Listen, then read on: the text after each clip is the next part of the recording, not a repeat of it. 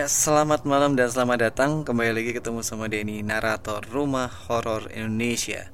Semoga Sobat Rai semuanya berada dalam keadaan yang sehat dan berbahagia.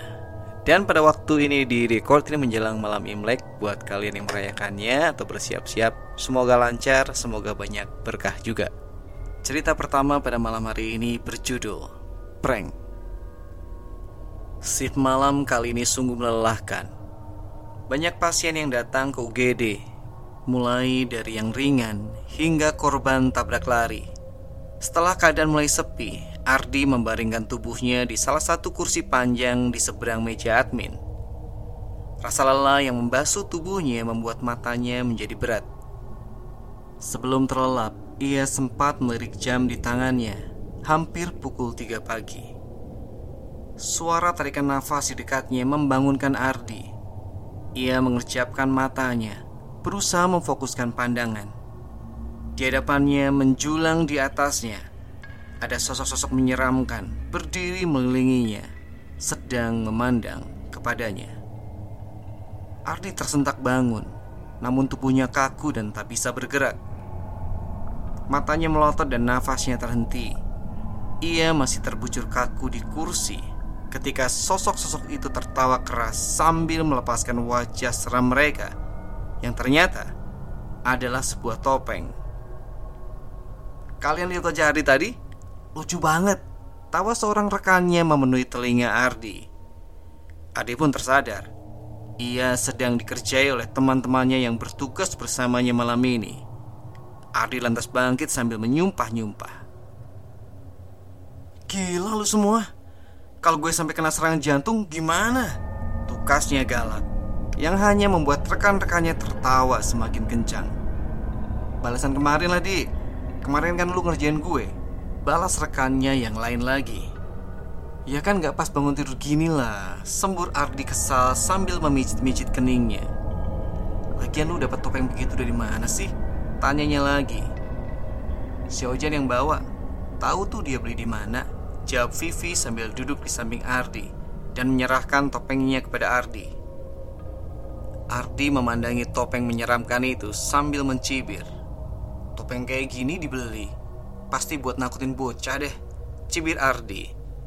Vivi tertawa dan menjawab, Lu kayak nggak tahu aja si Ojan. Usilnya tingkat dewa. Yang disebut hanya tertawa perlahan. Coba lihat topeng lainnya, kata Ardi penasaran. Gentur pun memberikan topengnya yang mirip seperti korban mutilasi. Terus yang pakai topeng ala sadako tadi siapa? Tanya Ardi. Lu ya Jan? Serem banget itu. Sumpah deh. Mana pakai rambut panjang segala. Beneran kayak Sadako. Gue merinding banget tadi waktu lihat itu. Jelas Ardi sambil bergidik. Rambut panjang. Gak ada topeng yang pakai rambut. Tukas Vivi kebingungan. Ada tadi, kan lu pakai topeng Lea ini. Jawab Ardi sambil mengembalikan topeng yang tadi dikenakan Vivi. Nah, terus lu? Jawabnya sambil menunjuk gentur, pakai topeng ini. Terus ada dua topeng lagi. Gue gak inget yang satunya apa. Yang pasti, satunya lagi topeng ala Sadako, jelas Ardi. Mata Vivi lantas melotot ketakutan. Begitu pula dengan gentur. Mereka berdua saling melirik satu sama lain. Tapi di kita kan cuma berempat di sini Dan lu lagi tidur. Jadi nggak mungkin ada empat topeng tadi. Jelas Ojan perlahan. Lagi pula, gue nggak punya topeng yang sadako Haha, lu pada mau nakut-nakutin gue lagi ya? Gak mempan bro. Tukas Ardi sembari melemparkan topeng yang dipegangnya ke Ojan Serius di, kita cuma berempat malam ini. Gentur mulai merinding. Vivi merapatkan duduknya ke Ardi. Udah di, Gak lucu ah bercandanya Sorry deh kalau bercanda kita kelewatan. Vivi mulai merajuk Tapi Jawab Ardi. Beneran tadi ada empat? Jelas Ardi dengan kening berkerut. Tepat saat itu Telepon ruang UGD berdering Membuat mereka semua terlonjak kaget. Mereka pun memandangi telepon itu dengan was-was. Vivi memeluk lengan Ardi ketakutan. Ojan yang berada paling dekat telepon memberanikan diri untuk mengangkat. Halo? Jawab Ojan.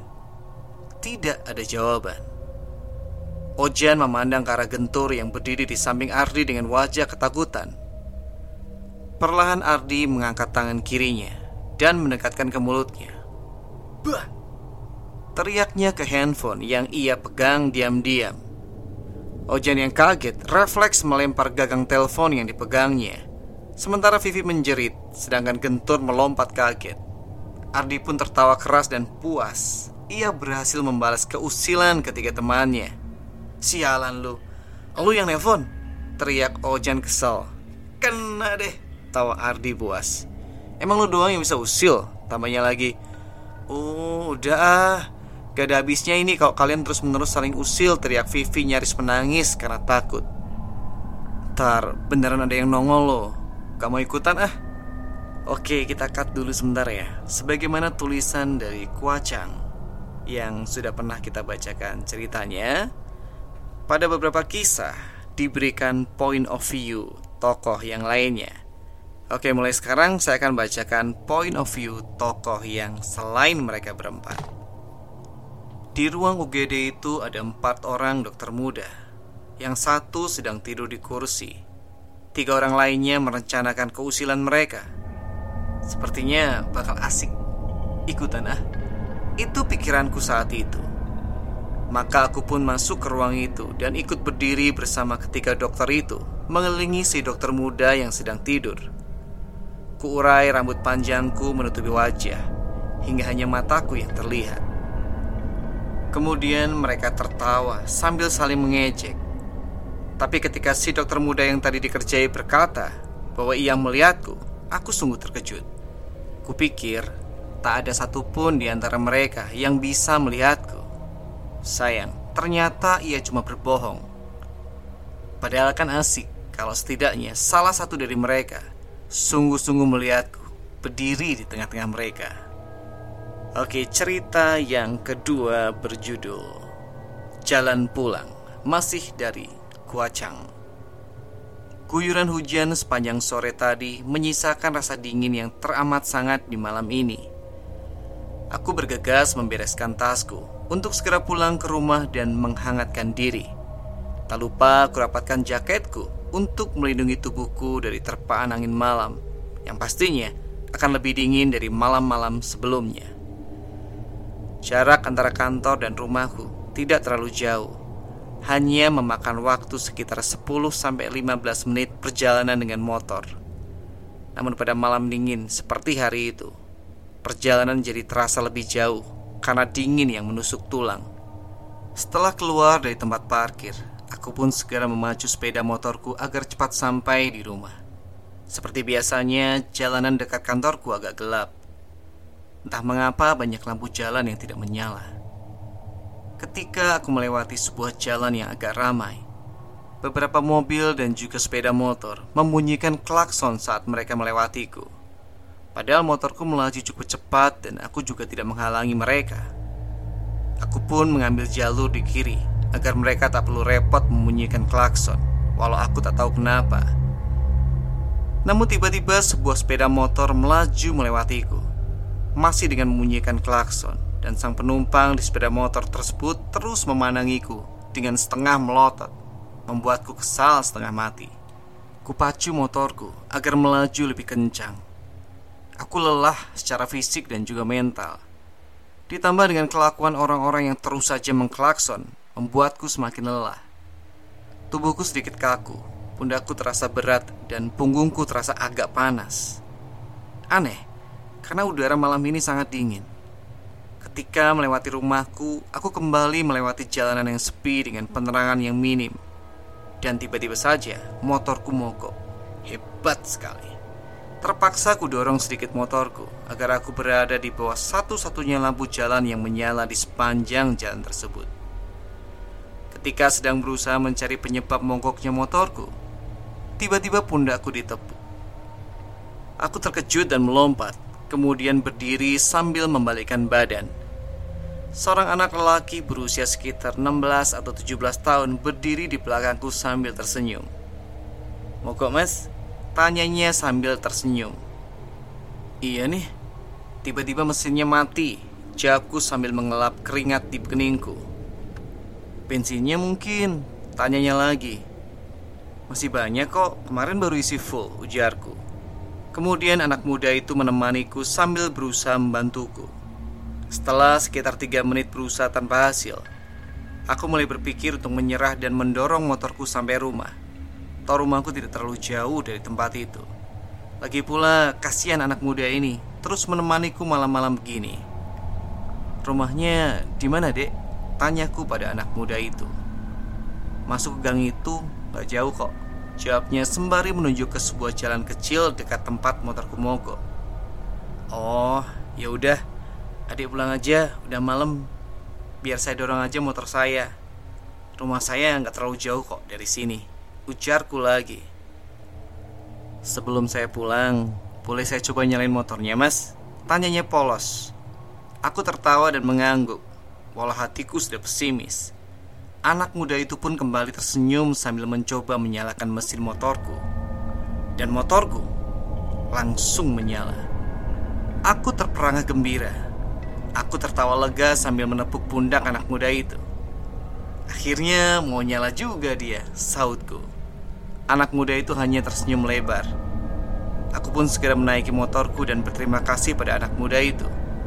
Namun anak muda itu hanya menggeleng saya yang harusnya berterima kasih mas Karena udah dianterin sampai sini Dan cerita penutup malam hari ini berjudul Alasan Sudah beberapa hari terakhir ini Aku menghindari temanku yang terus-menerus memintaku untuk menulis cerita horor lagi. Tak lelah ia menelponku atau bahkan datang ke apartemenku Untuk melancarkan aksi bujuk rayunya. Seperti siang ini ia kembali datang ke apartemenku tanpa pemberitahuan. Sambil membawa makanan dan juga es krim kesukaanku sebagai bujukan Lagi-lagi yang memaksaku untuk menulis. Ayolah Jun Tulisan lu itu keren dan asyik dibaca. Bujuknya Banyak yang suka cerpen-cerpen horor lu. Lu udah baca review mereka kan? Tanyanya Aku hanya mengangguk lemah dan tetap menunduk. Tak sedikit pun aku berminat menyentuh makanan yang ia bawa. Kenapa sih? lu tiba-tiba gak mau nulis lagi? Potensi lu tuh besar bro. Ia kukuh memaksa. Aku hanya bisa menggelengkan kepala dengan lemah Lalu ku angkat wajahku dan ku tatap matanya lekat-lekat Sorry mbak, aku gak bisa nulis lagi Ujarku pelan Tapi kenapa? Lagi stuck? Buntu? Gak ada ide? Writer's blocks? Cecarnya Aku hanya tersenyum dan menengus kalau cuma itu, itu sih biasa. Semua juga ngalamin.